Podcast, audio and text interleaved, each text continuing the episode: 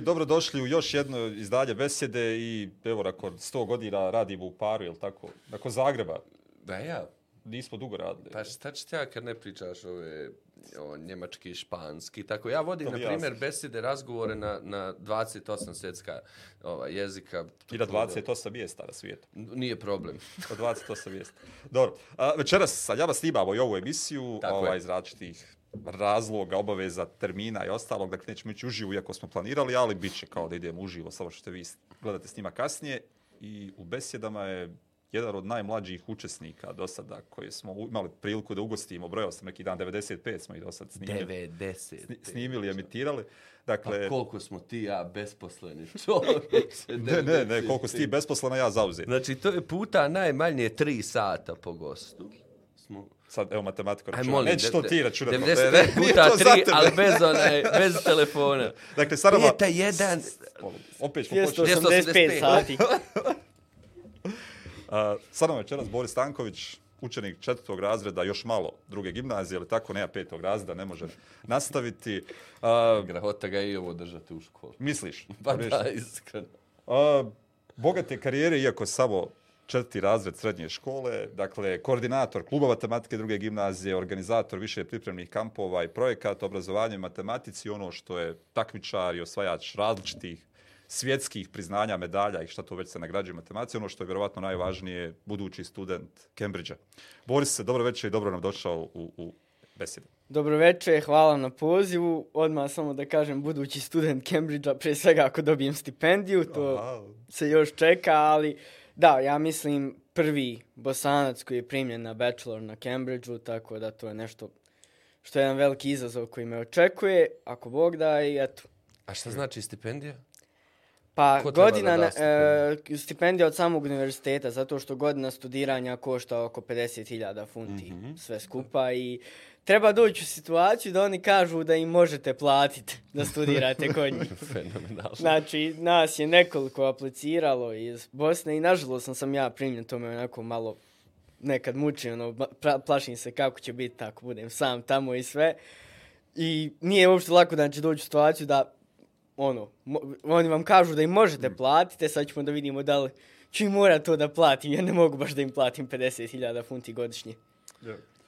Pa ja bi svoj mozak ovaj, upregnuo neku prevaru matematičku, da, da, ali vi, evo, odmah na početku mi iskreno vrijeđa zdrav razum i, i moj pasoš to što djeca koja upadnu na, izvini što ovo po djeca, evo, a, koji upadnu na tako prestižne, ne nužno prestižne, nije, dakle, vrhunska mjesta, zaista za određen broj djece koji nema veze sa elitom nego znanjem, mora da brine o, o 50.000 funti. Godišnje. je žao. Godišnje. Ma da je milion godišnje, ja ne bi Ali volio da mi se brineš nadamo o da će stipendija biti. Pa, I nadamo se. Da ćeš ti Znaš- zaista biti Znaš na kako, Cambridgeu. Boris, mi ćemo, mi ćemo skupljati za tebe isto. Ako dođe stani pani, mi ćemo skupljati za, za Borisa. Ako da. bude trebalo, da.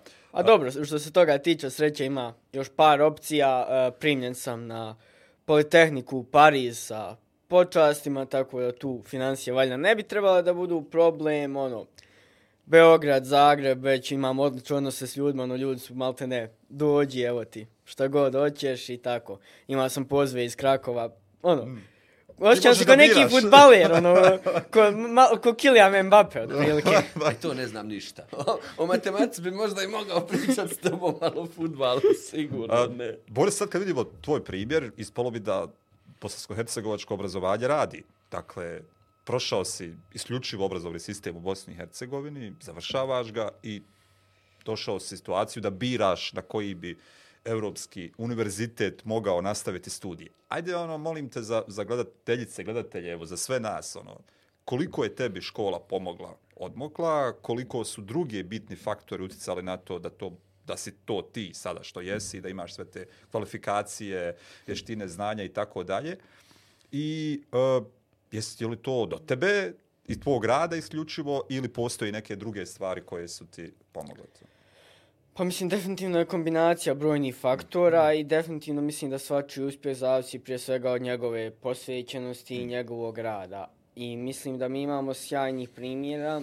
Ja imam kolegu koji je primljen na MIT i ono, poznajem još par olimpijaci koji su ono primljeni na brojne presječne univerzitete, ali rekao bih da svak, nekako ta djeca su više nus produkti nego produkti mm. našeg obrazovnog sistema u globalu, gdje bi se opet ogradio da ja idem u, po nekom mom mišljenju, jednu od možda dvije, tri najbolje srednje škole na prostoru čitave bivše Jugoslavije. Mm. Znači možda za, ne znam, razvoj nekoga sa mojim sklonostima bi samo matematička gimnazija u Beogradu potencijalno bila bolje mjesto od druge gimnazije Sarajevo i da još u takvoj drugoj gimnaziji sam ja stvarno imao maksimalnu podršku mojih profesora mm -hmm. i mhm. svega, ali u globalu rekao bih da ono, najviše naravno bilo do mog rada i truda, škola je tu doprinijela, pričat ćemo vjerojatno i kasnije ono konkretnije kako šta mm -hmm. s privilegijama, ali evo kad već pričamo, ono, često pričamo o tome šta je nekako ključ da se uspije kao matematičar i sve, ima dobra izreka da je nekako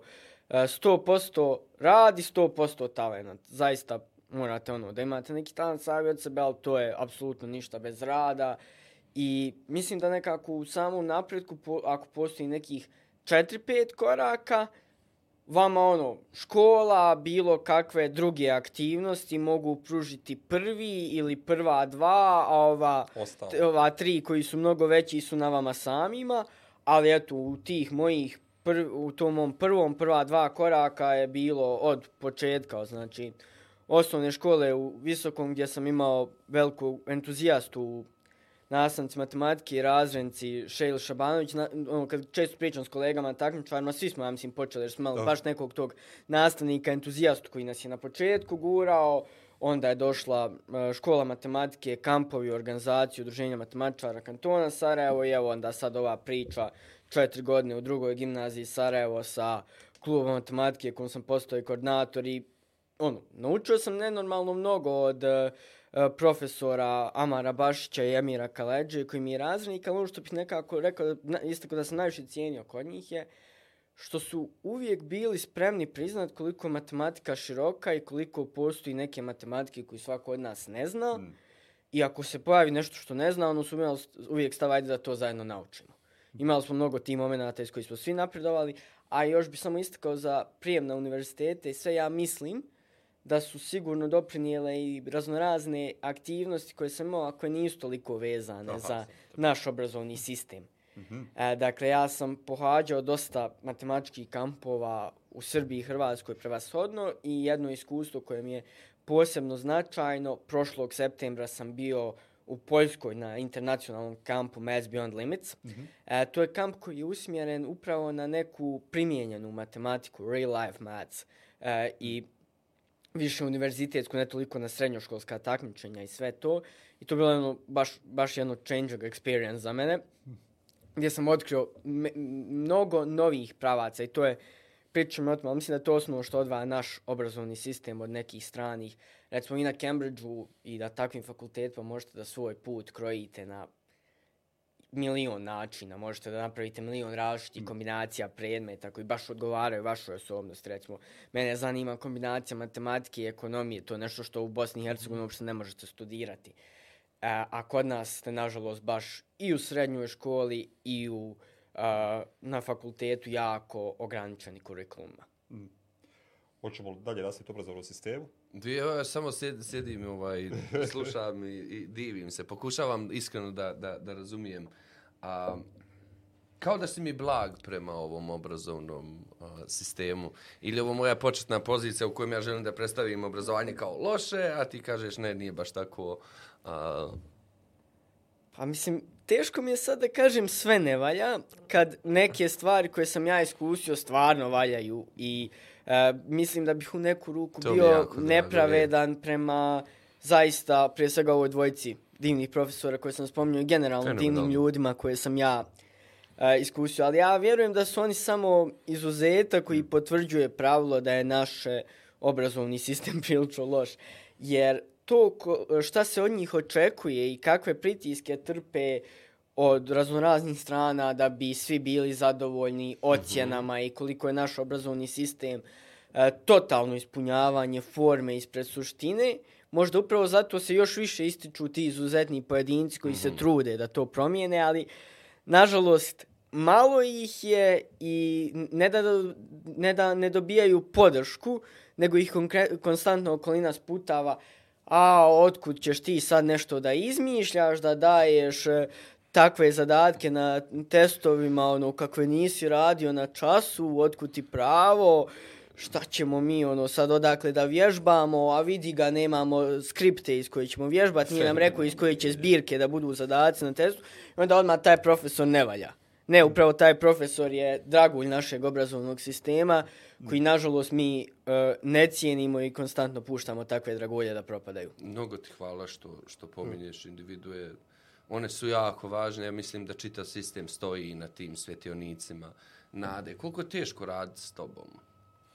I sad, da li možeš uopšte da se poistovjetiš sa ljudima kojima, o, koji sa matematikom prije svega imaju lični problem, koji uvijek, ja mislim, predmet toga da, da, da su loša iskustva oblikovala stavove prema, prema matematici.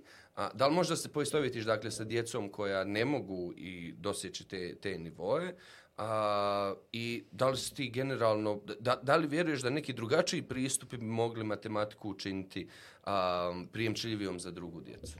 Hajmo redom. E, odgovor na prvo pitanje koliko je teško raditi sa mnom, ja mislim da je vrlo teško u svakom smislu. E, svi moji saradnici to znaju e, da sam veoma zahtjevan za rad jer ne puštam ništa dok recimo ne shvatim to u potpunosti. Jako mi je važno da sve čime se bavim, znači sad pričam o tome kad učim matematiku i se bavim matematikom, da apsolutno razumijem uh, do srži to što radim, da, da mi je jasno uh, zašto te neke stvari urede, da osjećam se malte ne kao da sam sam mogao da dođem do te teoreme, da je malte ne izmislim, naravno da ne, ali da on, apsolutno razumijem sve što je iza nje, a ne da budem u fazonu, aha, ovaj zadatak se radi tako, ovaj šablon je takav, ono, to, to svi mi takmičar znamo da od takvog učenja nema ništa i da ono takve šablone ćete samo uh, zaboraviti i mislim da u tom ono, svi ljudi koji su mi predavali su baš imali problema da predavanja eksplinirali da traje 3 sata, traje 4,5 dok ja sva pitanja napostavljam i dok ogolimo to do srže, ali ono što jako cijenim je kod njih što ističu kako smo svi kroz to učili napredovali. Koliko je teško raditi sa djecom i mladima poput mene, ja bih samo rekao da je stvar da matematika nevjerovatno napreduje. I ono na što sam posebno ponosan u drugoj gimnaziji Sarajevo što pokazuje veličinu čitavog tog projekta i naših profesora i sve. Gotovo sva predavanja za najstarije grupe na klubu držemo mi jedni drugima srednjoškolcima. I to sad nekom zvuči, ono, ćeš pusti djecu ba da predaju šta oni znaju, ono, je, i često moj razrednik priča kako je nekad rekao da nešto, ne znam, tipa naučio od mene i onda sam kolegu uz bolnicu rekao, ko, ba, je normalan ti da kažeš da nisi znao u rad zadata koji je, onaj, učenik ti uradi da sam učio nešto od učenika, ali jednostavno, e, matematika, jer se i matematički napredak neku ruku na, na, ono, nadovezuje na opšti naučni tehnološki napredak je toliko veliki ja neću moći da spremam neke nove takmičare za 10 godina, moći ću da doprinesem u nekim drugim mm. poljima i oblastima matematike i nauke i jednostavno to je tako, ono, mi jedni drugi spremamo i ponosan sam na to što smo prije svega prijatelji i ono, ako neko nešto baš dobro zna, on zapravo samo želi da održi predavanje o tome, nije ono da kaže, a sad ja ću da uradim zadatak na takmičenju preko toga i neću vam ostalima da pokažem. A što se tiče ovog drugog dijela pitanja, m, Nažalost, što se tiče nastave matematike u srednjim školama i generalno u školama, ono je jako ograničena i kurikulumima i a, kompetencijom kadra. Ali ajde prvo da se osvrnemo na te kurikulume. E, oni su apsolutno pogrešno osmišljeni. Mm. Vi učite gomilu stvari na vrlo neintuitivan način. Vi, recimo, ljudima koji su na opštem smjeru, koji su na jezičkom smjeru, e, pokazujete nekakve napredne trigonometrijske funkcije, mislim čak vektore, matrice, onda definitivno izvode integrale, što su stvari koje, ja ne znam koliko vas dvojica uopšte se kontate što pričam, ali upravo je to poenta. Ma, ono, na, jako ste uspješni u onom što radite, akademski ste građani, a to vam realno nikad nije trebalo. Ono što vam je trebalo je da znate da izračunate procente, da razumijete Tako. sniženje u radnji, da znate da e, razumijete statistiku. Razum, statistike uopšte nema u našim kurikulumima, čak i na matematičkom smjeru i zato imamo generalnu situaciju da političari konstantno manipulišu sa statistikom, nije pretjerano bolja situacija ni u Srbiji i onda vi imate, ne znam, Aleksandra Vučića koji izađe i priča najveći pad, najmanji rast i ljudi oduševljeno tapšu ako znate osnove statistike, ima jasno da taj čovjek priča teške nebuloze. Ali mi ne možemo da ih znamo kad nama to niko nije onaj nikad pokazao, ali zato trebali ste da znate, ne znam, tablicu izvoda, nekakve ono, vrijednosti nekakvih logaritama i sve stvari koje vam kao ono, 90, ja se bavim matematikom, to je moj svijet, ja uživam u tome, ali ja nemam problem s tim da kažem da to 99% ljudi nikad neće trebati. A da postoji toliko matematike koja će im trebati, koja im može pomoći, mm. ako mi nažalost... Za svakodnevni život. Da. Je. I kod nas je to ono opet, što se najviše, to se najviše balansira eventualno na, na e, matematičkom smjeru kod nas i na IB-u koji je drugačiji, koji nije mm. toliko ograničen nekim normama. A mi smo nekako te stvari naučili sami, ali eto opet mm. se profesor truje da, da nam ih ubace. A recimo za djecu koji bi se tako matematika zaista uh, mogla učiniti zanimljivom, nažalost toga nema. Tako da pitanje da li se mogu nekako poistovijeti. Ja zaista ne mogu zamisliti sad sebe, ono, koliko god ja sam matrao sebe dosta dobrim predavača, predajem već 3-4 godine, koordinator sam kluba i sve. I djeca koji stvarno vole matematiku, žive u moj, mojim predavanjima i o striktno matematičkim stvarima, ali ja ne mogu zamisliti koncept da ja ne znam, uh, uđem u neki jezički razred ili razred opšteg smjera, ja nešto sa njima pričam, arkus, sinus, arkus, kosinus i da to njima bude zanimljivo. Ne postoji način da se to uči. Ali ako mi date da im održim čas o statistici, o tome kako se ponaša eksponencijalna funkcija, što znači modeliranje pandemije, što smo sad vidjeli koliko je važno, e to može biti jako korisno, jako zanimljivo, ali nažalost toga u našem obrazovnom sistemu nema. Imam sad ono dilemu, da li da nastavimo još o matematici, ali, ali više ono da tvoj uh, razvojni put. Dakle, evo sad dis, matematika nije jedini predmet koji si ti izučavao u nasreću u, u obrazovnom sistemu. A, kako izgleda evo, tebi koji je dakle, potpuno posvećen jednoj oblasti koja se izučava obrazovanjem, dakle, kakav je tvoj odnos prema drugim oblastima, drugim predmetima, drugim odgojno-obrazovnim područjima?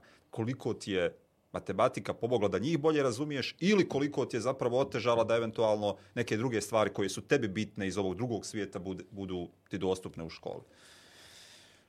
Uf, Dobro pitanje. E, pa, svakako... A naći ćemo jedno koje ne znaš si. Iz matematike. ne, ovo je dobro, pričao sam, pričao, pričao sam tamo da sad malo zastanem, da razmislim.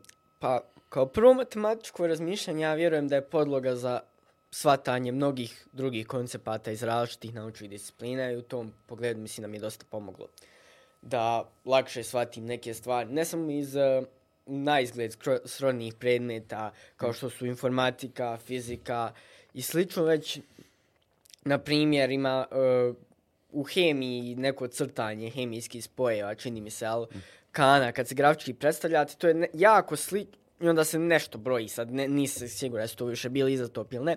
To je jako slično nekim stvarima iz teorije grafova, koja je oblast matematike. Onda u genetici i zadaci iz genetike koje dobijate na časovima biologije su zapravo vrlo lagane primjene nekih osnovnih principa prebrojavanja iz matematike. E, i, ali recimo ja sam potpuno specifičan jer sam ja zapravo društvenja kako me se desila matematika. Aha. Ja sam negdje do, do negdje sedmog, osmog osnovne skoro nikako nisam bavio matematikom.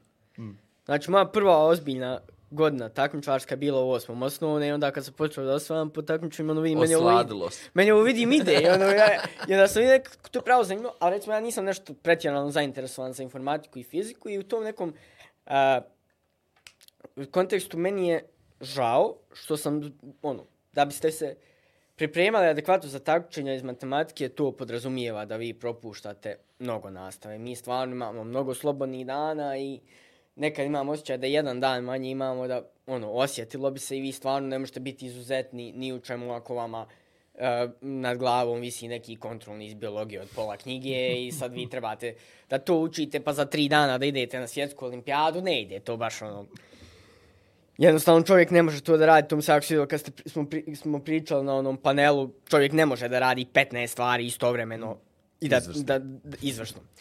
Ne može nikako. Ja pa ne može, može nikako, na kraju samo pukneš i... može namjer, mislim.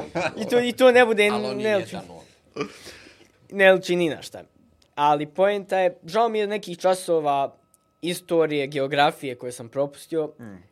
a, tih nekih časova društvenih nauka, ali i žao mi je što je još i dalje, kad sam već pričao o našem mrznom sistemu, što je taj sistem takav da je i, da, i, i iz tih predmeta da, da. strašno ograničen e, normama koji se zahtijevaju, ograničen tom stalnom a, trkom za ocjenama, za ispunjavanjem forme i časovi koji smo sam ja najviše uživao kad možemo da diskutujemo o nekim konceptima, kad a, čujem različitih mm. razmišljanja. Meni je recimo psihologija zanimljiva, ali ne nužno čas psihologije na kojem mi a, teoretski nešto obrađujemo. Meni je psihologija čas a, geografije gdje mi diskutujemo a, zašto se neka zemlja tako i tako razvijala u društveno-istorijskom kontekstu i onda vidiš kako ljudi to tumače. Šta recimo stavljaju kao osnovni uh, problem uh, zemalja istočnog bloka, zašto se nisu razvile ili zašto neko misli da se jesu razvile. Ja tako naučim o ljudima s kojim idem u razred, vidim otprilike na kojim su oni talasima, gdje su oni na političkom kompasu. Meni je to strašno da. zanimljivo. Mm.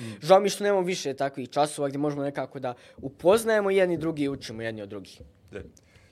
Ja, ja bih volio kad bi, evo, a, jedno je bilo pitanje vezano za ono o čemu se govorio malo prije, bojim se, a, volio bi da znam koliko propuštenih matematičkih umova smo ostavili ono na, na, na, na smetljištu jer, smo, jer ih je forma ubila. A, mislim, to ne može niko izmjeriti. I ne samo za matematiku, za bilo koju drugu pasiju koju nismo razvili kod djece, a mogli smo imati briljantne umove a, na, na neki način. Kad bi ti pravio sad, evo, svi ti daju odriješene ruke, obrazovni sistem za, za, za prosječno bosansko-hercegovačko dijete, a, sa ciljem da ono iz te, tog sistema izađe kao, kao, kao jedna znatiželjna osoba s razvijenim pasijama, sa pogledom na život i tako dalje, uključujući sve strahove i ostalo. Kako bi ta škola izgledala, to me, to me živo interes. Hajde, opet ćemo krenuti redom dok još malo odvagam ovaj odgovor, ali mm, ne, nemojte me pitati o tome koliko smo talenta propustili, rasplakaću se. mnogo, mnogo, mnogo, mnogo, strašno mnogo.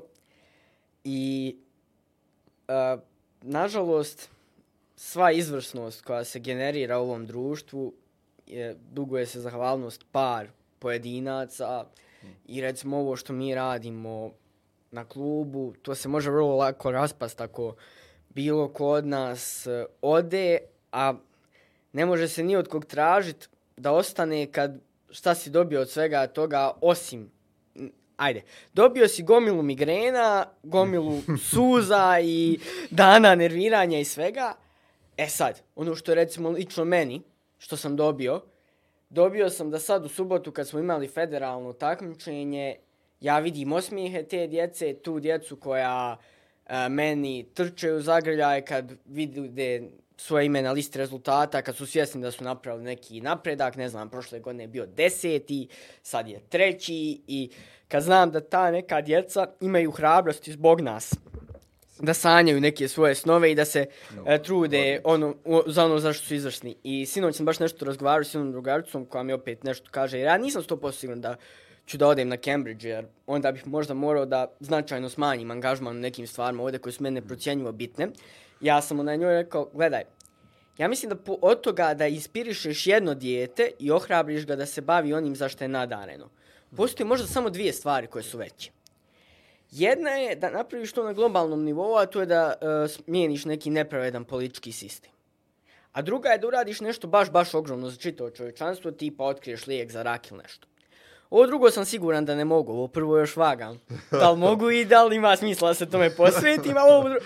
A recimo, meni, uh, da iskreno, moja, moja vizija, rješavanje onih millennial problema, neriješenih problema u matematici, koliko god imali nemjerljiv naučni doprinos. Ne mislim da se to može mjeriti s tim da vi jedno dijete inspirišete. Mm. I... To je bare moja vizija. A nažalost društvo je takvo da osim te neke lične satisfakcije, ako dijelite te ideale vizije, ne dobijate ništa od rada.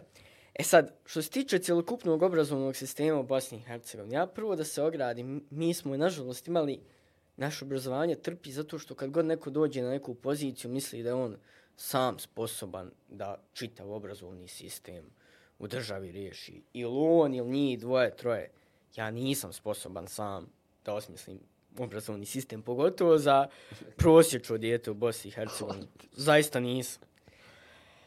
A, mogu reći neke moje vizije, ali ja mislim da bi oporavak obrazovnog sistema trebalo da bude neki mnogo da bi na njem trebalo da radi neka mnogo šira grupa nas koja bi uključivala ljude poput mene, ljude poput vas, jer ja ne mogu reći kako treba da izgleda nastava biologije, ne mogu reći ni da ne treba da je bude, mogu reći u kom obimu mislim da treba da je bude za ljude koji imaju slično interesovanja poput mene mm -hmm. i kako mislim da ona treba da izgleda. Mi smo imali, sad možda ću načeti neke teme koje su tabu, ali mi smo imali e, 15 časova e, koji su bili tipa građa skeleta z glavkara, građa kišne gliste, crtanje zečijeg testisa i slično. A imali smo dva časa o kontracepciji i bolesti. Tako. Taj omjer sigurno nije dobar. Nije. I to mogu reći da nije dobro. Nije. E, da, da ljudi izlaze iz uh, srednje škole i ne znaju dovoljno o svom zdravlju. Mogu reći da, lju, da trebamo imati nešto što je odlično na AEB-u, iako sam ja dijete nacionalnog smjera druge gimnazije i usko uključen u osmišljanje nekih dugoročnih strategija znanosti matematike tu, ja mogu iskreno kažem AEB tu nas strašno uh, šije i strašno je bolje što ima neke životno primjenjive predmete. AEB ima biznis, management. Vi nemate nijedan sličan predmet na nacionalnom smjeru vi završite 13 godina školovanja u našem sistemu bez da vam iko ikad rekao kako se plaća račun, šta znači račun, šta znači kamata, e, šta znači kredit. Efektivna pa promjenjiva, jako mi je to važno. da, mislim, ono, meni ljudi kažu, kako, kako se ti zainteresuo za ekonomiju, toga nema u našem sistemu. Pa nema i to je problem. Problem je što naš sistem proizvodi ljude koji, ono, skoro su uklapani u mantru, ako ne studiraš ETF i medicinu, ti isto ne studiraš. Mislim, nisu svi ljudi, ba, ni za ETF, ni za medicinu, ima toliko širih podjela, to je nešto što sam ranije spominjao, rani, vani možete toliko različite stvari. Recimo, ja sam se, kada sam aplicirao na King's College u Londonu, njihov odgovor još čekam. Ja sam se dvome od, između toga se prijavim na matematiku sa finansijskim menadžmentom i matematiku s filozofijom. Hmm. Na kraju sam izabrao matematiku s finansijskim menadžmentom, ali eventualno bi otišao tamo sigurno filozofija bila dio nekog minora. Ja, ja, koji bi uzao. Hmm. Ovdje iz ove stvari koje na, nabrao koliko fakulteta se trebalo pisati istovremeno. Tri, četiri. Kompleta Sarajevski univerzitet. I, I, za svaki vas ljudi gledali da ste ludi jer niste odšli na ETF. Da, da, da. Tako da, eto, ali uglavnom, e, obrazovanje, kako bi ga, ja zamišljam, bi mnogo više cijenilo izvršnost. Mm. Bilo bi mnogo manje obimno. To je, recimo, isto velika razlika. E, sad, nešto gdje se izdvajaju i nacionalni smjer u drugoj gimnaziji i A i B odnosno sve druge škole. Znači, moj, moji drugovi iz Foče, koji su isto bili olimpijci, su u svom trećem, četvrtom razredu imali 14-15 predmeta. Treći, četvrti razred, osim ako niste odabrali opšti smjer, gdje jasno kažete da već niste, sve, pa da. da niste rekli, vi ste vjerojatno već odlučili šta hoćete da radite. Barem od prilike, barem koja je to grupa predmeta. Ok, imate ovako neke čudne skupine. Ali tu je recimo super, ono, da neku ruku ovdje možete nekako da birate predmete. Mi ne možemo, ali ih imamo dovoljno malo, pa imamo vremena da sa strane izučavamo neke stvari ili da, ono, stvarno nam recimo škola tu izlazi u susret, imamo strašno dobre neke evente, imali smo predavanje kod gospođe Sanele Pašić, da, da. u kojoj je recimo meni jako otvorilo neke perspektive šta bi ja mogao da radim u životu i to, ali sad to je neka privilegija koju mi imamo, govorimo o nekoj normalnoj školi gdje imate 13-14 predmeta trećem, četvrtom razredu, to nije normalno. Ma nije normalno da imate ba toliko, malo ne u prvom, tako, srednje. Tako. I barem ne u tom obimu da svaki predmet ćete na kraju biti ocjenjivani iz kontrolnog koji je onako pola knjige, čitava knjiga. Kao da je jedini. E, da, kao da je jedini, ali najjača stvar je šta vama traže? Traže vam da znate gomilu podataka koji su instant googlabilni. Da, da. Znači, ono, aj, stvari koje, ako ti kad zatrebaju u životu, hvala Bogu, sad imamo 3G svugdje, uzet Provjerimo se u sekund. I, i saznaćeš u tom trenutku. Ali nikad te ne testira da li ti ako ti da neko pet podataka, da li ti znaš izvući neki zaključak iz tih podataka, da li ti kontaš šta je to, ili se naučio ne znam ko pjesmu. Jednom su, jednom su testirali 2018. I bježim od toga da pogledam. I pokazali su da... pa da, onako, recimo, meni, je, meni je sad bilo super, imali smo test iz Bosanskog na kojem nisu dosta dobro ljudi prošli, a drugi ja smo dobili su, dobre ocjene, nismo skoro ništa učili.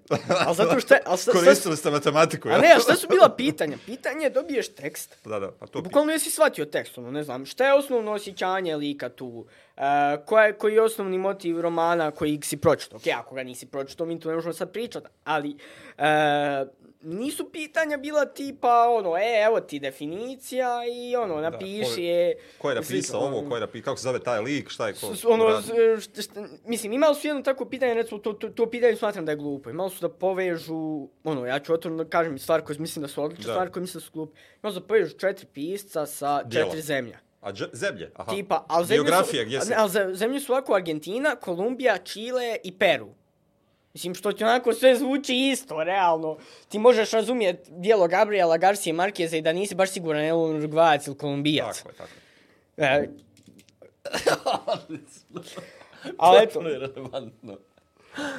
Odakle je Marquez? Osim onog što ga je oblikovalo da bude takav. Ali eto, uglavnom, e, šta sam, mislim da bi trebalo više cijeniti izvršnost, da bi trebalo ljude više pustiti da se usmjere na ono što žele, a da im druge predmete treba napraviti da budu zanimljivi i da budu istinski poučni za život. Znači, ja ne mislim da historiji, biologiji, geografiji i svim tim predmetima nije mjesto na matematičkom smjeru. I te kako im je mjesto. Ali nije mjesto na način da vi od ljudi tražite BDP Mongolije, Tako već upravo ove stvari koje sam ranije ra- govorio, da razumiju uzroke političkih kriza i uzroke tih stvari. Jer to će im trebati i to će ih zaista oblikovati u istinske akademske građane. I kad smo se već dotakli fakulteta, htio bih potrošiti možda dvije, tri minute da objasnim jedan fenomen koji mene jako, jako tišti, a to je da se ovdje ništa osim medicine i ETF-a ne smatra fakultetima, što mislim da je jako pogrešan pristup, da nekako mi od početka učenike, ali pogotovo kad dođe taj odabir fakulteta, tjeramo u te neke kalupe.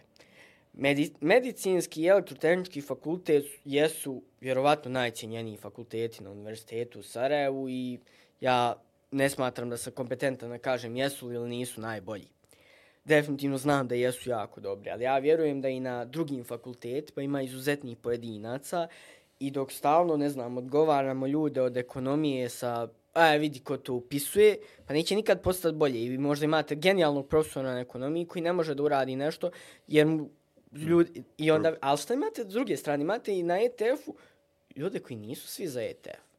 Ono, vi ste za ETF ako vas a, interesuje specifična kombinacija matematike i fizike ili matematike i informatike. Ako ste vi nešto poput mene, a mislim to nije stvarno toliko rijetka kombinacija, mogu reći to nakon što sam prošao kroz 4-5 generacija matematički nadarene djece, da imate matematičara koji ima vrlo razvijene komunikacijske vještine, koji ima e, sklonosti prema društvenim naukama, prema politici, prema svemu. Vi niste za ETF. Vi ganjajte nešto drugo, ganjajte matematiku i ekonomiju, analizu tržišta, data science, marketing, nešto.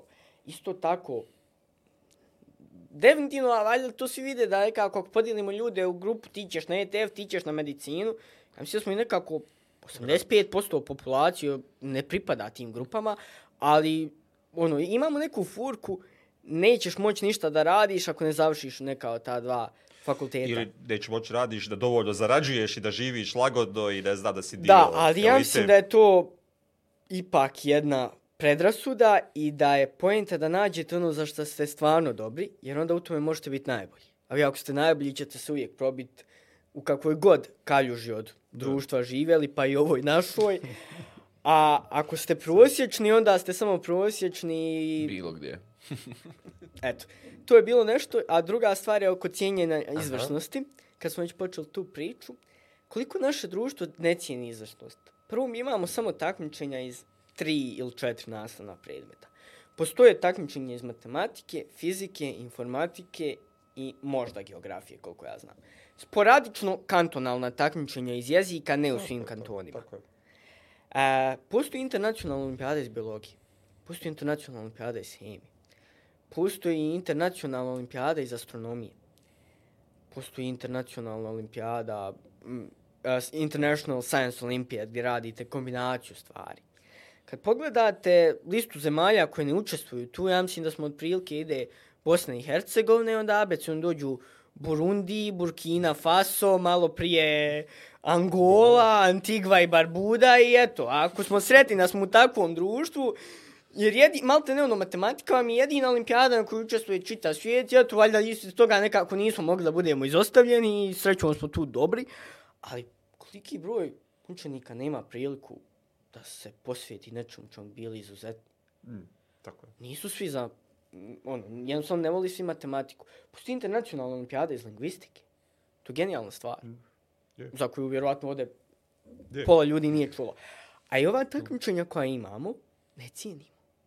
Jer znate, vama pravilnik bodovanja za taj elektrotehnički fakultet koji, hoće, koji svi hoće da upišu, uopšte ne boduje četvrto mjesto na državnom takmičenju iz matematike. Mm. Vi ako budete četvrti na državnom, Kao to, da to znači da se, to znači da ste se plasirali u šest ljudi koji će Bosnu i Hercegovinu da predstavljaju na svjetskoj matematičkoj olimpijadi. I onda nije lagano stvar uzeti medalju na olimpijadi. Vi možete otići na uzeti medalju na olimpijadi. Vi niste glupi ako niste uzeli. On, to, vi ste veoma dobri ako ste došli do olimpijade. I vi iz sveg tog takmičarskog iskustva imate nula bodova za upis, imate milijone prospavanih noći i vrlo potencijalno neku četvorku iz latinskog ili psihologije koja se koštati i koja će vas koštati budžeta. Šta naše društvo šalje poruku? E, Jarane, deka tebe sa svim peticama, 5.0 je glavni cilj našeg obrazovanja i jedino mjerilo kvaliteta, a sve ostalo, nemoj se ti baviti time, a samo bi da uporedim sa Hrvatskom i sa Srbijom. Prije svega sa Srbijom. Srbija dijeli nešto što se zovu nagrade na državnim takmičenjima. Ono su, ja su primijetio da je njima 20 najbolje djece iz matematike, iz fizike, iz informatike e, jako važno. I onda iz svake generacije, to se zavisi od takmičenja, od procenta brodova, sve, da sad ne dužim priču, ali 15 do 20 najbolji na svakom državnom takmičenju dobije prvu, drugu ili treću nagradu. I kogod je dobio nagradu je oslobođen prijemnog ispita i na ETF-u i na Matematičkom fakultetu u Beogradu. Što je logično. Konkretno, evo, mi smo sad oslobođeni prijemnog ispita na Matematičkom fakultetu u Beogradu. Ako želiš da upišeš bez ikakvih Ne bodova. bismo bili oslobođeni prijemnog ispita, recimo, na ETF-u. Izvinjam se. Ali dobili biste bodove, pošto ste bili prvo Pa eto, tri. ja, ja bi dobio, ali evo, ja, ja imam druga. Ali nije do mene. Ja, ja imam druga koji je uz, jedan od tri, četiri glavna predavača na klubu i jedan od uh, najboljih matematičara koje ja trenutno poznajem. Ali na takmičenjima nije previše često bio u prvo troje, jer je takva situacija da ne zna geometriju. To je vrlo specifično. E, geometrija je oblast koja vama malte ne treba samo za takmičenja. Ne po, jako je odvojena geometrijska sposobnost od sve ostale. Sve ovo ostalo on stvarno na top nivou i uvijek ga nekako ta geometrija zezne i završi on četiri, peti, ali malte ne, do prošle godine nije otišao i osvojio srebrnu medalju na srednjoevropskoj matematičkoj olimpijadi. On je zvančno u našem obrazovnom sistemu imao nula bodova za sav svoj uspjeh na takmičenju. Ko mu je kriv što ne zna geometrije? Ali mislim ono, on je dalje četvrti, peti i sa tim neznanjem Da, geometrije u federaciji. Jel malo bit, ne znam, deseti u federaciju, u državi, u nečemu, jel za ne bismo trebalo to da cijenimo? O- Ovdje takmičenja su vrlo zanimljive. A, bur- Prvo, ajde, posebno ja o takmičenjima najviše znam iz domaće prakse.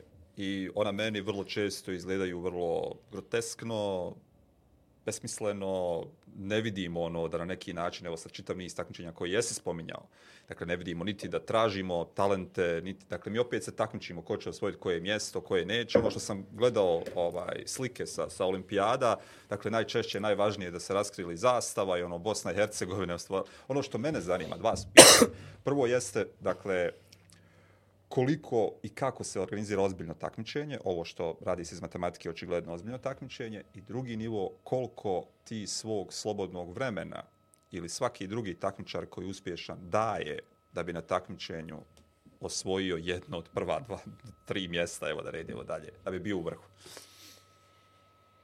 Pa, organizacija takmičenja iz matematike je, ja mislim, na najvišem nivou kad gledamo generalno takmičenja u Bosni i Hercegovini, ali ona ima dosta nekih uh, propusta zato što je jako uh, podijeljena. Nemamo uopšte udruženje matematičara na državnom nivou, nemamo ni na uh, federalnom nivou zbog razno raznih razloga, ali ne, ne dužim tu priču, reći ću samo da je jedan od osnovnih problema BH akademske zajednice s kojim sam se sustrao kroz sve ove godine su sujete i činjenica da bi svako da ima nekakav uticaj, daj ti meni da ja sam, ne znam, zadužen za takmičenje u jednom kantonu, da, mislim, pored ću, ne znam, opet sa Srbijom i s Hrvatskom. U Hrvatskoj sve škole rade i, i Srbiji isto školsko takmičenje. Sve opštine rade isto opštinsko takmičenje, svi, kako je to kod njih, okruzi, regije, ista regionalna takmičenja. Kod nas tek federalno, ja mislim, prvo takmičenje koje radimo svi skupa, imamo cirkus, imamo dva federalna. Imamo federalno za učenike koji rade po bosanskom planu i program, bošnjanskom planu i program i federalno za učenike koji rade po hrvatskom planu. To je potpuno različita matematika. Pa da, ako, ne razumijemo se, ne razumijemo se, jel cifra ili je znamenka, jel trogo ili je trokut. Pa imamo zadatke na državnom na tri jezika. Znači, sad malo tjeram šal pa ćemo ući u ozbiljnu priču. Ali to je vrlo ozbiljna stvar. Da mislim, jes izgleda kao vic, ono, Vrlo doslovno. provokacija. Ali je, ali je zaista, ono, Ono, pred olimpijade te pitaju hoćeš zadatke na latinci ili na ćirilci, ono, isto kao da sad ne znam, ako dobiješ na jedno bi trebalo da bude problem, šta je. Da, ali a suštinski opet imamo ustav koji kaže da su tri jezika i oba pisma službeni u ovoj državi, dakle trebalo bi da ih zna svaki stanovnik države. Bez Ali evo recimo konkretno kad smo pričali o tom fenomenu tog hrvatskog federalnog, ono za učenike po hrvatskom planu i programu, to tako postoji, egzistira i u zadnjih 15 godina, ja mislim, jednom ili dva puta se desilo da učenici koji se s tog federalnog plasiraju na državno takmičenje urade zadatak. I jedan. I jedan. Hm. I bilo je, koliko znam, nekih ideja da se spajaju federalna, ali ne pretjerane volje, ne znam sad s koje strane, i sad ne bi dolazim te neke stvari koje ne znam toliko, ali to je tužno. Jeste. Tužno je kolika je razlika između učenika koji rade po ta dva plana programa, koji ne bi trebalo nužno toliko različite, ali mislim da opet čak i jesu, što je opet neki svojevrstan absurd. Ali eto, i onda, ne znam, svaki kanton vam ima svoje Što kantonalno. zapravo, što je suština, ono, šta je tu problem? Dakle, puno je važnija ova forma, koji će nivo učenika učestvovati, nego koji je kvalitet učesnika Da. onoga što se radi sa djecom. I kroz sve to se, nažalost, e, dosta zanemaruje jedna od presudnih uloga obrazovanja, to je pedagoška i to je psihološkog utjecaja na djecu. To isto važno. E, takmičenja su strašna psihološki, m, strašan je pritisak, očekivanja, vi imate situacija, nažalost, da ljudi koji su vrh vrhova i koji spremaju olimpijice, jednostavno ti ljudi nisu nikad polagali pedagošku grupu predmeta.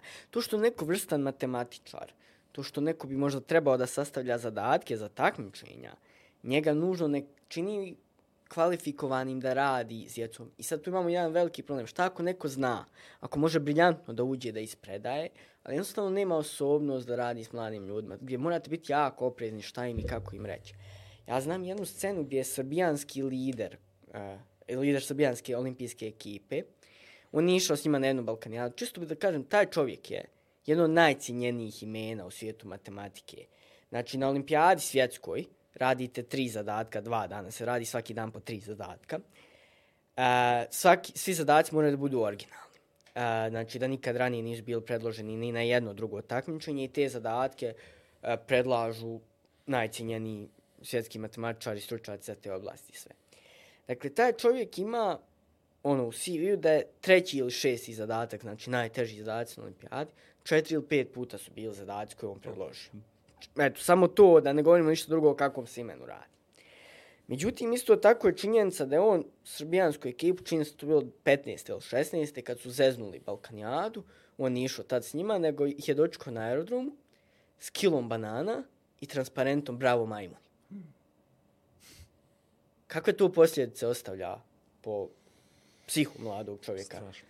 Kako će se to dijete osjećati idući put kad sjede da radi takmičenje, pod kakvim će pritiskom da bude. Onda imate situacije u ovom našem podijeli organizacija po kantonima i svem. Ja sjećam jednog kantonalnog, gdje smo mi tipa zajedničko-dobojski kanton, ja sam iz visokog, onaj, bio sam osnovna. To je vrlo razluđen kanton, znači od Dolova do Tešnja. Imamo kantonalnu Zenci i ti trebaš dođeš u 8 ujutro da bi se prijavio da smo svi tu, iako takmičenje počinje u 11. I onda šta djeca tu treba, ne znam, da... Prvo da krenu u četiri ujutro iz Mislim, olova. tri, tri sata, ono, šetaju ko muhe po iz glave, nervozna, mislim, tu s djeca, s ocima, većini prvo takmičenje, možete zamisliti, pola njih nije moglo da spava od uzbuđenja, ko može da dočkuje i ovako u šest ujutro, a ne još jutro pred takmičenja, ono, mislim, dobro, svako ima sve onako, ali, mislim, te stvari su onako, uh, mnogo, mnogo tu bi trebalo stvari da bude drugačije i da se više misli na djecu, sad da ne bude sve crno i da ne bude da iko konkretno krivi, mm. nažalost, postoji jako malo ljudi, uh, radim se priču o tome koliko matematika napreduje i sve, koji bi bili kompetentni da budu uključeni u samo sastavljanje zadataka, isprav, ispravljanje. Mislim, ne samo na svjetskom nivou, nego pojenta je na našem nivou, Aha, zato što BiH. vi imate djecu koja idu na svjetske Svjetski, olimpijade. Vi imate učenike koji su na svjetskom nivou. I onda i ljudi koji njima uh, zadaju zadatke, koji pregledaju te zadatke, moraju da budu na tom nivou. nivou. Da, da. da, zato što uh, matematika, koliko god se priča da je ono egzaktna i sve, E, olimpijska matematika nije škola gdje vi imate formulu za kvadratnu jednačinu, uvrstite i izračunate olimpijska matematika su konceptualni problemi čija su rješenja vrlo često opisna i vrlo često sa diskutabilnim stepenom formalizacije i mi Evo sad se vraćam i na to, ono, kakve sam profesor imao i šta naš profesor rade. Oni ako nama daju neki izazovni zadatak na testu, to znači da se to vrlo lako može pretvoriti u to da će oni na nekim našim rješenjem ili pokušajem rješenja mora da ostanu pola dana, dan, da kontaju je li to dobro. To, to je normalna stvar da se desi. Desi se svakom od nas kad ispravlja testove takmičarno. Bukvalno sjediš dva sata, čitaš pet, šest puta i ti dalje nisi siguran da li je to dovoljan argument da se dokaže neka tvrdnja, da li se nešto smije recimo pretpostaviti ili nešto. Sad malo ulazim u neke matematičke dijelove, a to se sve može desiti na takmičenjima. I onda jednostavno obični nastavnik iz osnovne škole ili obični profesor iz srednje škole ne može da ispravlja takmičenja na tom nivou. U tu svrhu bi nam možda moglo pomoći da imamo razdvojena takmičenja kao u Srbiji i u Hrvatskoj, da imamo A i B kategoriju, A za učenike, kao što je, ne znam, druga gimnazija, kao što je gimnazija Banja Luka, koje imaju uh, neku matematičku tradiciju, rade ipak po drugačijim programa. Ja mislim da program po kojem mi radimo u drugoj na nacionalnom smjeru, da ne radi ni jedna druga škola u kantonu Sarajevo, makar. Uh, I jednostavno svi ta, najbolji takmičari upisuju drugu, I tako bi se opet dobili e, one nagrade koje sam spominjao za državno. Srbija daje nagrade najboljih deset u B kategoriji koja, koja je za ove obične škole. Jer i to pokazuje da si da, ti se iz tog nivoa izdvojio i sve. I onda možda, ne znam, na tim takmičenjima smo mogli imati lakše zadatke i možda bi moglo više ljudi da se uključuju u ispravljanje, a na ovim, ono, ne bi ovi ne bi ljudi koji su, par ljudi u BiH koji su na tom nivou, morali da se uh, razguljuju i ovako i onako i da ispravljaju po 50 radova i sve.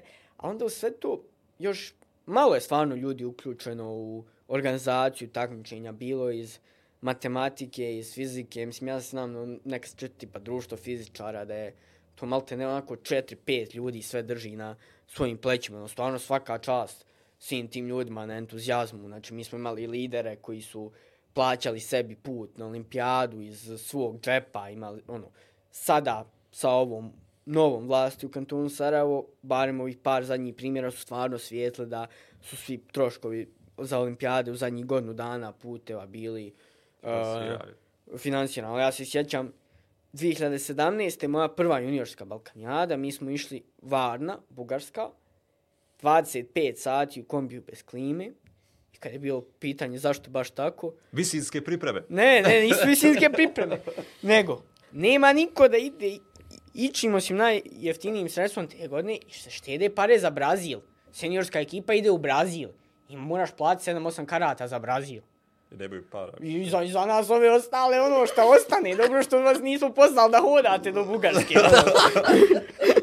Budi sretan. A sad me živo interesi, ovaj, prvo treba zabraniti učešće novim takvičenjem, ne možeš biti stalno prvi. Dakle, ne, novu kategoriju, neku, Boris Stanković kategorija, pa pa da ti biraj sebi s kim ćeš se takmičiti i tako. Te, ja evo apelujem ispred besjeda da se oficijalno zabrani takmičenje. Na, na... Kasno, malo, imam još dva. E pa je, barem na dva, neka pravda kosmička da se desi. Aj mi reci šta se posvajaju u životu. Uf. Ne, ovo me, ne, stvarno, mi, stvarno me interesuje ovo da nahranim se malo. Krajnje sebično pitanje.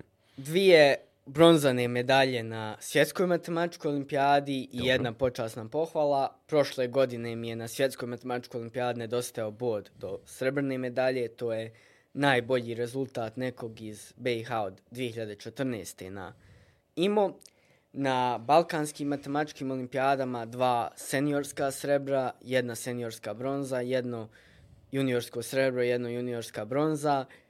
A, nadam se, e, trenutno sam u vlasništvu, čini mi se rekorda da sam jedini učenik koji je kao prvačić osvojio srebro na seniorskoj Balkanjadi i idemo, ako se plasiramo u srijedu, sad imamo izborno takmičenje, e, na Kipar u maju i nadam se da će kolega iz druge gimnazije, Benjamin Mujkić, da mi oduzme taj rekord sad, onaj, Be, Benjamin je čudo od djeteta, zaista, koje je kao de, učenik devetog razda osnovne škole prošao na olimpijadu za srednjoškolce još i prošle godine Sjaj. uzeo dvije bronze, tako da nadam se da će ove godine da mi sruši taj rekord, ali eto, za sad je moj, pa ga možemo navesti i A šta, zadnje dvije godine federalna i Zadnje državna dvije ne godine državni nikako? prvak, federalni prvak od osmog razreda svake godine. Mislim da je sve osim jedne godine bilo i s maksimumom bodova, kantonalni prvak od isto osmog razreda. 96. U više kantona. Da, e da, više kantona. Dvokantonalni prvo. Da, da. A, E, Jel držiš rekord za ovaj, najviše prvi mjesta u različitim kantonima? Pa ne znam, Benjo je došao iz Travnika, tako da pratimo se. Dobro, prvak. Srednjo Bosna. Da, moramo, moramo nešto smisleno, ne, ne znam, prebacimo ga Ovo- u Tuzlu za, ovo- za četiri onako da ima tri. Prekinuli smo te, nisam odgovorio koliko odricanja treba za, za... Da, Evo, spremaš se za olimpijadu. Šta to znači? da me mrze sve čistačice u drugoj gimnaziji, jer da nema mene, Ervina, Benji i još par ljudi mogli bi fino kući u četiri popodne, a s nama ostanu do devet na večer. Što ne vežbate negde ovaj drugo? A to nam je eto kao pri, prilika nam je onako da se skupimo tu u školu, tu imamo onu tablu, imamo sve i... Možeš me sačuvaj. Dobrovoljno se skupljaju u školu. Pa ne, ja mislim, ono, prošle godine sam nas pogotovo mrzimo kad je bilo sve online. Od- Svi samo su- vi dolazili u su školu. živjeli, samo Ervin i ja, onako, mi smo bili tipa, ja mislim da smo od aprila do jula proveli skoro svaki Imali ste dan. inventarni broj, jeste da provjeravali svi sve na mjestu. Pa ne, onako, portir, imam više broj od portira, kaže, aj, ja ću zaključat, ja odo tamo, ne znam, da obilazim sale u neku sobicu, Kad da zatreba, spavam, zovite. ti zovi, ono, kad treba, ne da izađem.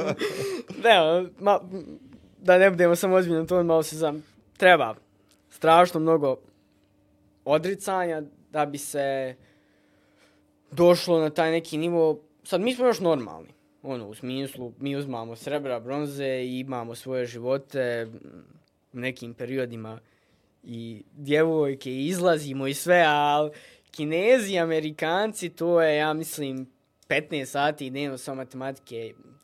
Jedan od, na, jedan od tri, ja mislim, najuspješnija takmičara u istoriji internacionalne matematičke olimpijade je Srbijanac Teodor von Burg. I čuo sam priča da kad su ga pričali, da su, kad su ga pitali kao koliko je najviše ikad radio, a, je rekao na nekom kampusu bili u Rusiji mjesec dana i svaki dan po 17 sati. Znači, u 7 sati strpate spavanje, jelo, fiziološke potrebe i eto, ako se sjetiš, mam posle porku da si živ. Nisi im dal ni internet, ja mislim. To je... Ne znam, ono, mi, mi, mi znamo i kad su kampovi i kad nešto ono, tjeramo tipa ujutru 3-4 sata, popodne isto 3-4, ono, radi se mnogo. Sad smo bili u intenzivnim pripremama pred federalno, znam da smo ovako sedam na večer, ja mislim. Ja, možda čak onaj dan kad sam poslao poruku, mm. nešto tako, ono, kao gledam, i ono kao, mi smo samo smo svako od nas nešto počeo, ili se ljulja na stolci, ili ispušta nekakve zvukove, koliko smo već bili mrtvi, onako, čita dan smo radili. Tako ono, fakat, ali mislim, to ne bi bilo moguće da nismo onako veliki zaljubljenici u to da. što radimo i ovo je prije svega ljubav. E sad, moje bavljenje matematikom je odavno izašlo iz okvira takmičarske matematike i nekako počeo sam jer mi je to bilo zabavno, jer su takmičenje iz matematike jedini vid matematike koju vi možete raditi kao tako mladi, ono, pogotovo u Bosni i Hercegovini, mm. ako vas to zaista zanima. E, ono, volim o tome, kad se pričam koliko učenici van imaju više prilika da se bave matematikom. Znači, ja sam upoznao djevojku u Poljskoj, ona ima 17 godina i ona već ima 3 ili 4 research papera napisana. Svoja kolaboracija s nekim profesorima. Vi možete da dolazite, ne znam, meni je kurs iz topologije, što mislim da ovdje ne radite u prve dvije godine fakulteta uopšte, možda sam pogriješio sad, prilično nas baka na prvoj ne radi, meni je kurs iz topologije u Poljskoj držao moj vršnjak. Ja ga pitam ko, dobro, kako si ti ovo naučio, se naučio u srednju. Kaže, ko univerzitet u Krakovu nam dozvoljava da ako želimo, dolazimo na predavanja, čak su profesori takvi da ono, uvijek ostanu ako te, te srednje školce nešto zanima, ispričaju im i sve, to je nevjerovatno. U, u Srbiji imate matematičku stanicu, pe, istraživačku stanicu Petnica, koja ima nevjerovatne seminare iz matematike, gdje vi možete da se upoznate s dijelom upravo ove matematike. Kako sam se ja upoznao u Poljskoj, imam kolege koji su išle uh, na Petnicu. Ja sam, nažalost, kasno saznao da se priključim, ali definitivno sad ono savjetujem svim mladima da se obavezno kad bude idući ciklus, ono, ako ih zanima matematika, ako će da otkriju neku matematiku koja je i van takmičenja, i van kurikuluma koja je nekako stvarna i primjenjiva i sve da se prijave nevjerovatna priča.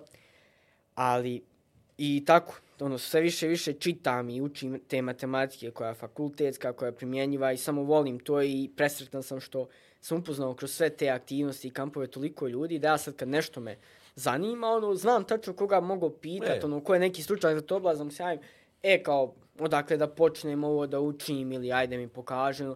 I ta neka generalna solidarnost i želja za dijeljenjem znanja u matematičkoj zajednici je fascinantna, ali vjerovatno uzrokovan do neku glede tome što su matematičari osobenjaci, onako smo sretni kad se nađemo. A evo, premijerno u besjedama, evo. nisam tio da, razmišljam sam da zapravo da li da ovo govorim, Hvala, jer ne volim da govoriš. pričam stvari dok ne budem 100% siguran da će se realizovati, da se ne ureknem ali nadamo se, ovaj kamp koji sam spominjao, Mads Beyond Limits u Poljskoj, znači radi se jedan od, ja mislim, dva ili tri najveća matematička kampa u Evropi i kasnije ću još nešto da ispričam zanimljivo za to, ali usmjeren je tako na primijenjenu i univerzitetsku matematiku i sve. I išli smo nekoliko nas u septembru u Poljsku i dopali smo se organizatorima prilično, tako da su nas pozvali i zajedno s njima ćemo organizovati balkansku verziju tog kampa. Mm -hmm. U martu 2023. ako bude sve po planu u Bosni i Hercegovini. Prijave će da budu nekad oktobar, novembar. Trenutno čekamo a, rezultate granta International Višegrad fonda na koji smo aplicirali. Nadamo se da će biti pozitivni i treba će nam da bismo postigli ono što MBL inače jeste, a to je da bude u potpunosti besplatan za učenike i da pored samih predavanja uključuje matematičke tribine, e, izlaganja stručnjaka iz nauke i prakse i bezbroj sjajnih aktivnosti, izleta i svega, da bismo organizovali kamp na tom nivou će nam trebati podrška institucija ovde, pa eto, ako neko gleda, smarat ćemo vas mailovima i nemojte nas... Ma prije ćemo ti namir ja pomoći. Ne, nemojte nas staviti u onaj... Prije će ti besede iz te pomoći. U, u treš. ono, dobra je priča i mislim da će to stvarno bude revolucija, jer trenutno na Balkanu izuzev petnice su stvarno stvari usmjerene na takmičenja, to su vjerovatno ti neki malo relikti nekog starog sistema, da je bitno da smo mi prema vani dobri na olimpijadama, ovo će bude jedna opuštenija priča, naglašena na kreativnost i da upravo jedan od mojih osnovnih pokretačkih motiva e, zašto sam u tome svemu je da pokažemo učenicima ovde, ako volite matematiku možete raditi još puno stvari osim da upišete ETF. uh, Boris, osim matematike, što tebe još zariva? I može još jedno pitanje u sklopu no. ovoga. A, kako podnosiš to da nemaš ni jedno zlato sa olimpijade? imam zlato sa... ne, imam zlato sa uh, domaćih, pa možda dođe ovo. Bio sam par puta, ono, Na granici. e, bila olimpijada Metropola, tu sam, ja mislim, bio prvi ispod. Mediteranska. Ovo se Nedim Zeza jer smo pričali kako ovo je jedinstvena prilika da se vodi jedan ovako kvalitetan i konstruktivan razgovor, jer inače kad dođete na televiziju, na gostovanje, već sad me više niko neće zvati, i, i sutra ujutro sam na N1, ono, možda, ali N1 ne prozivam vas, niste pa kad bio Ovo će biti nakon gostovanja, Da, usred. da. ne, kao, e, ono, ne znam, mi smo osvojili nešto na olimpijadi Metropola, to je, ja mislim, bilo sad u decembru, ili je bila proškodnja, šnjanstvena se, ali sad u decembru baš bio big deal. Reći samo ovo, Sarajevo je na olimpijadi Metropola iz matematike pobjedilo Moskvu. Znači, olimpijada Metropola takmičili smo Servin, Macić ja za Sarajevo i naš skor u zbiru individualno se radi, jer se onda saberu ti skorovi, napravi Mm. se lista po gradovima, je veći od naših vršnjaka iz Moskve, iz Istambula, iz Sofije, Sjajno. Beograda, čini mi se. Mi nismo, Beograd ima matematičku gimnaziju 100 godina, samo da kažem nešto što spominjem, ono, mi ono nismo mogli vjerovati šta smo radili i onda dođeš na te, TV i kao, ono, bi se osvojili nešto na mediteranskoj olimpijadi. Ono, Bravo, ono, Pa čula Moskva je- je davno u Mediteranu bila. Ču, ču, čula je voditeljica neka, postoji na neka M. olimpijada na M, pa eto. E, ja sam na olimpijadi Metropola bio prvi ispod katofa za zla, zlato. Zeznuo me neko iz Biškeka, Ulan Batara, ne znam nija čega, ali eto. bilo je blizu. E, u junior me isto jako bilo blizu. E, da sam bio prvi ispod granice za zlato na juniorskoj Balkanjadi. Nije bilo jednom daleko ni u seniorima na Balkanjadi. Mislim, čisto samo da se razumijemo, svjetsko zlato neću ni da obećavam, ni da najavljujem. Bosna i Hercegovina u istoriji svojoj 30-godišnjoj ima pet ili šest svjetskih srebara i nemamo ni Bez jedno jedino zlato. Ne, ono je samo čista provokacija bila. Iskreno, Ali eto, bez- ono, obi- odgovorili smo na nju, da, da vam sve čito biti. Ako ništa ostane zlato sad Ajmo vidjeti, državno. vrat, prvo dobro je. dosta, dosta matematike. Da, Šta se. se još zanima u životu? Čime se još zanima? Šta radiš? Gledaš čime? besede, čuo sam svaku si pregledao. Gledam često, sad nisam, nisam sretan koliko stižem generalno. E, zaista mnogo, mnogo vremena odlazi na matematiku i na to kako sam i e, koordinator kluba i jedan od glavnih predavača i sve. Ali, tako da ono, do, i recimo što je meni jako važno i što se dijelom mislim oko Cambridgea i svega, ja puno vremena provodim u razgovorima s tom djecom kojom pre, koju predajem i nekako imam osjećaj da si im nekad treći roditelj, psiholog, ne znam nija kako to nazvu. Sve to strašno važno jer su to posebna mlada djeca koja su nekako talentovana, obično često i zatvorena, nisu većinu, ono, mislim da je rijetko da neko ovako i komunikativan sve i onda doprijeti do njih, ono, biti tu, pokušati ih razumjeti, ohrabriti, jer, nažalost, matematičari su često u našem društvu izolovani. Generalno dobra djeca u našem društvu nije cool biti pametan. Ono. Čak imamo i, ja pokušam tu paradigmu promijeniti u matematičkoj zajednici, pa ću, sam ću još ovdje pričati pa ću se vratiti na šta ja radim. E, ono, mi realno svi, da biste nešto postigli na olimpijadama, morate jako puno da radite. Ono, moraš da radiš ko konj. I mene strašno nerviraju ljudi koji nadođu i kažu ja nisam ništa vježbao. Nisi, brate, cool, ono. Mislim, prvo svi znamo da si morao da radiš, jer ono, mi se znamo godinama, gledamo jedan drugi po predavanjima, ono, znaš kako neko reaguje kad prvi put vidi i da recimo prvi put nije skonto da je morao da radi, da to, ono, jasno je da nije neko, ono, možda postoji promil ljudi u svijetu koji su toliki genijalci da mogu da to rade bez hama nikakve vježbe, ali ja takve zaista ne znam. I onda nekako to potenciranje s ti nešto cool, ako si dobio uh, dobru ocjenu, a nisi učio ili nešto. Ni, nije sad ni naš obrazovni sistem takav da bi ocjena ono, bila mjerila, ali po meni uopšte ne, cool je da se posvetiš stvarima koje voliš. Cool je da Jest. sjediš sam u sobi i čitaš ono što te interesuje i učiš. Cool je da imaš cilj, nije cool da puštaš da ti dani prolaze besciljno, da ne znaš šta ćeš sa svog života i da onako se time ponosiš. Tako da to pokušavam nekako na svu tu djecu prenesem i zato mnogo vremena trošim razgovorima s njima. Uh, pored toga, volim da čitam, što uopšte ne stižem da radim koliko bih htio. Veliki sam fan pozorišta, znači možda osobe koje najbolje znaju moj lik nakon čistačica, u drugoj su oni što cijepaju karte u kamenom i u narodnom. Tu sam svako malo. Jer to mi je nekako... E, ispostavilo se... Prvo sam zavolio da čitam, onda sam zavolio pozorište. I pozorište u ovoj nekoj trci frci ispalo neki jednostavniji, brži, a podjednako možda Je, nekako i jest, zanimljiviji jest, način jest. umjetnosti i e, poruke svega za konzumiranje.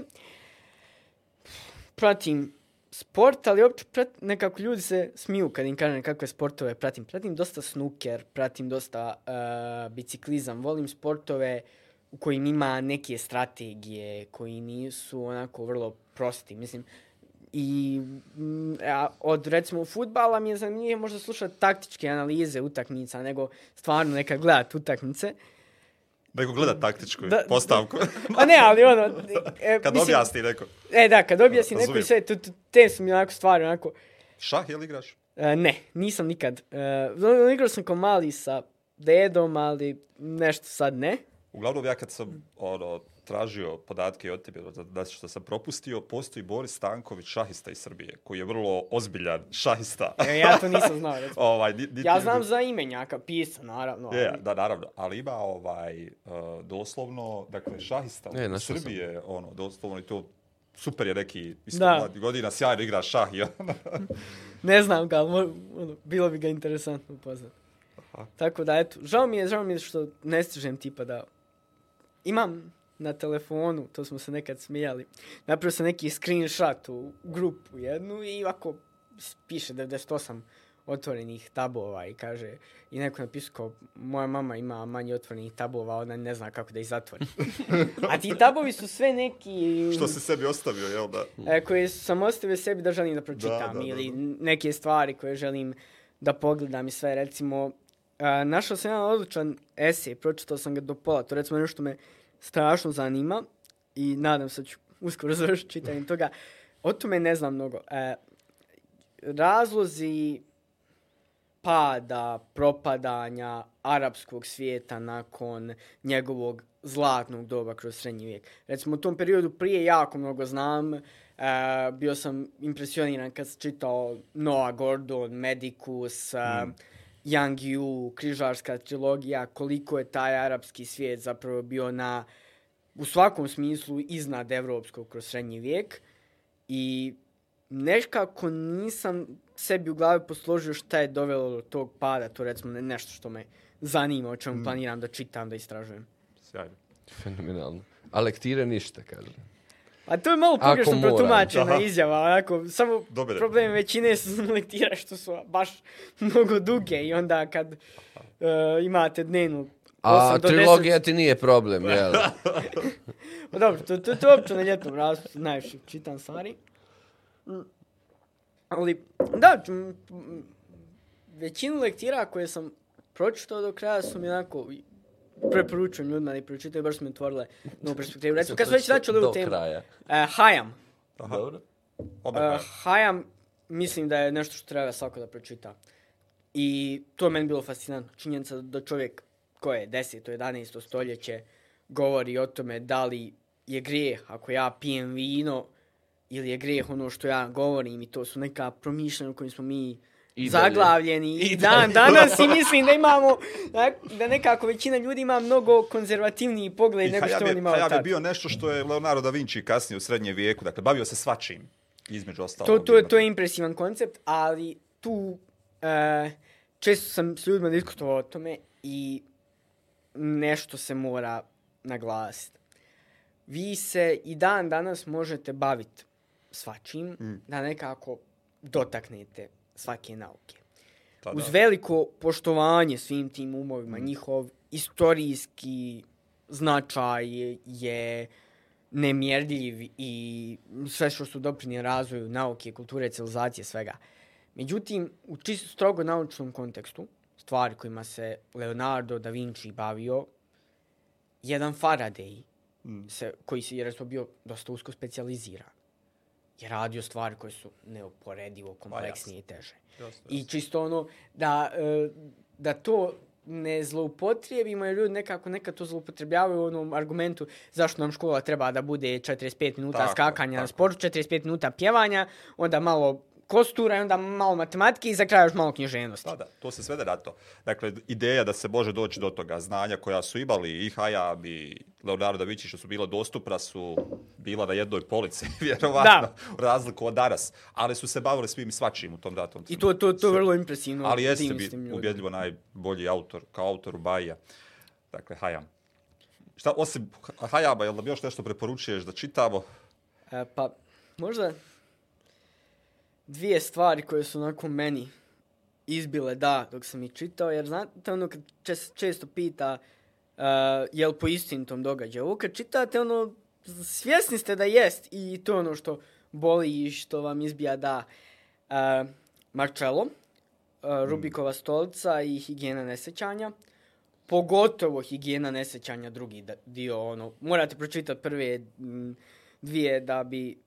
I ono recimo što ja često zamjeram ljudima u svom okruženju, nekako čini mi se da se premalo uključuju u svoje živote, da ih nekako previše jednostavno i previše površno žive, da nekako živimo samo da nam prođe dan i da se zadovoljavamo nužnim minimumom i nekako previše su mi jednostavni ljudi, ovako, kao da uopšte nemaju neke e, dublje porive koji ih motiviraju na neke akcije i sve i vjerujem da je do, čitava transformacija društva, digitalizacija, do toga više nemate ljude koji imaju jasno izražene ideale. Mi, jel, vi, vi- jel neko vidi u ovom društvu novog Gavrila Principa koji će za svoje ideale, ja sad ne ulazim u to kakav ili ne, koji je spreman da uradi tako nešto. Nama je svima loše. Ali, Ja sam protiv nasilja. ja, i, ja, ja sam isto protiv nasilja. Ali ako neko ima Da se bori radikalno za ideju. Ali hajmo ostati na konceptu ideala i radikalno. Ja, ja ne vidim takve ideale, ne vidim tu m, tako snažne karaktere u današnjem društvu. Nekako, društvo mi je puno bezličih karaktera i to ono što me oduševljava kod Marčela. Njegovi svi likovi su tako kompleksni. E, toliko, e, prvih sedamdesetak strana njegove knjige je uvijek dosadno. Ja sam svako od njih čitao do neke 70. strane, onda ostavim i vratim se nekad kasnije. A onda kad nastavim tu, obično progutam u dahu do kraja, ne mogu da ostavim. Zato što on mora da uvede, ono, prvi 70 strana uvođenje likova koje tako zvuči nepovezano, djeluje ti kao da nekakve stvari nabrao, šta me briga, ono. I onda se svaki taj detalj uklopi u sliku e, ko- nekog snažnog karaktera koji učini nešto veliko. Možda dobro, možda loše, ali značajno. A nekako mene smeta što je previše ljudi spremno da onako beznačajno provede svoje živote. A druga stvar koju bih preporučio i koja je nekako da se svi nad njom zamislimo i budemo svjesni da nam se to događa. Prije svega se odnosi na moje prijatelje u Srbiji, ali i na nas ovdje sve. Reka s četiri ušća, Siniša Kovačević. Mm. To je nešto što sam nedavno čitao i od čega se još oporavljam. Ja. Sjajno. Boris, a ove serije što gleda u biti generacija koju pripadaš i odrasli, ali pratiš serije, gledaš to? Slabo. Slabo, slabo. do. E, recimo, o tome sam baš pričao s ljudima, ja se totalno ne smatram nekim e, pripadnikom Da, ne. zapadne kulture. Ne, ne samo naše generacije. Nego ja većinom, evo, što, kad sam pre- preporučio, preporučio sam dvije domaće Da, da, knjige. Mislim, meni da. su Marcello, Da. Siniša Kovačević Da. i svaki pisac koji piše na nekom od naših jezika je naš pisac. E, Bože, ti me sačuva. Kako je herezna. da, o, o, otkud mi pravo da u Je. Sarajevu i generalno na Balkanu tako razmišljam. Ali eto, a, ni, m, tako da nisam, nisam toliko nešto, ali eto. Boris, se hvala ti, ovo je meni bila, ne znam za kolegu Rediba, ali meni, dakle, jedno od najdražih besjeda s kojim Ma sigurno, da- evo, dakle, bez da, bez da odgovlačam, neće se niko... Puno naših ono, na stvarima ne- koje si rekao, potpuno jasno objasnio, koje su važne, bitne. I, Čisto, jasno. dakle, Ja bih Ispravno. uh, samo još jednu stvar da iskoristim priliku, da Mhm. kažem ako mogu, Naravno. uzet ću još možda dvije minute. A, kad sam bio na danu škole u mom posljednjem, dali smo da držim neki govor i tad mi nije niko rekao da ću držim govor, pa se nisam nešto spremio, ali bila je jedna misla koja mi je odmah došla i nekako se nismo stigli Mhm. a, dotaknuti ovde. A to je, a, ja imam nevjerovatno poštovanje prema prosvjetnim radnicima, prema toj profesiji. Mislim da vi radite sjajnu stvar ističući genijalne pojedince i mislim da je nevjerovatno važna ta uloga koju prosvjetni radnici imaju i da je za nju potrebna nevjerovatna hrabrost. Sistemski problem našeg obrazovanja je populizam i spuštanje kriterija. E, drago mi je što nismo pričali toliko o crnjacima, moramo se dotaknuti te pise i sve. Naš odgovor na pisu je da okrenemo glavu od nje ili eventualno da kažemo ajmo mi sada radimo puno testova na takvog fazona, pa da eto mi budemo dobri na pisi. Ni, ne, nije smisao obrazovanja da mi budemo dobri na pisi. Tako je. Smisao obrazovanja je da mi uh, obrazujemo ljude koji će budu dobri u životu. Nažalost, ogromni su pritisci u obrazovanju. Mi smo obrazovanje obesmislili, učinili smo ga samo trkom za ocjenom, uh, idemo u školu da dobijemo knjižicu za 5 s 5.0 i više se niko tijelo 5.0 ne raduje. Samo znamo da imamo problema koga nema. Znači, više nismo sretni zbog ocjene, mi smo samo svjesni da je to nešto Da je što, što je problem ako ga nemaš, ne znam, ko zdravstveno. Da, da. Jesi sretan ako dobiješ zdravstveno, nisi, ali znaš da ga moraš imati jer je problem, ga nemaš. I e, ne znam kako ćete se u ovoj dekadenciji društva i vrijednosti i svega izboriti sa izazovima, ali vam želim puno, puno sreće i puno hrabrosti u tome i poručujem da ima nas učenika koji smatramo da je ispravan put, osta dosljedan, ne spuštati kriterije, da ne treba obrazovanje samo da se kreira prema prosjeku i da se taj prosjek stalno spušta, već da ima djece koja su dobra i koja mogu biti jako dobra ako ih se ohrabri sve. Još nešto. E, ja sam strašno počašćen i mislim da ovo jako govori pozitivno o vama što sam pozvan ovde i što dajete mladima da se čuje njihov glas i to ono što sam govorio da je koliko veličinu predstavlja mojih profesora što su oni bili spremni da uh, uh, na, uče i oni od nas, znači ne samo mi od njih. Ovaj kamp koji sam spominjao, koji je sad jedan od dva ili tri najveća u Evropi, znate koga je pokrenuo? Pokrenula ga je jedna djevojka, Ana, Anja Len, sa svojih 16 godina. Ona i njen drug, to je bilo prije par godina, znači ona sad ima 22, 22 ili 23. Kao srednjoškolci su izgradili nešto što je bio jedan od najvećih projekata matematičkih u Evropi. A ja imam tu sreću, ja sam evo koordinator kluba sa, ono, postao sa 17 godina, ali mi smo i dalje strašno skeptični oko toga šta mladi mogu i kako... Kako razumijete i šta za...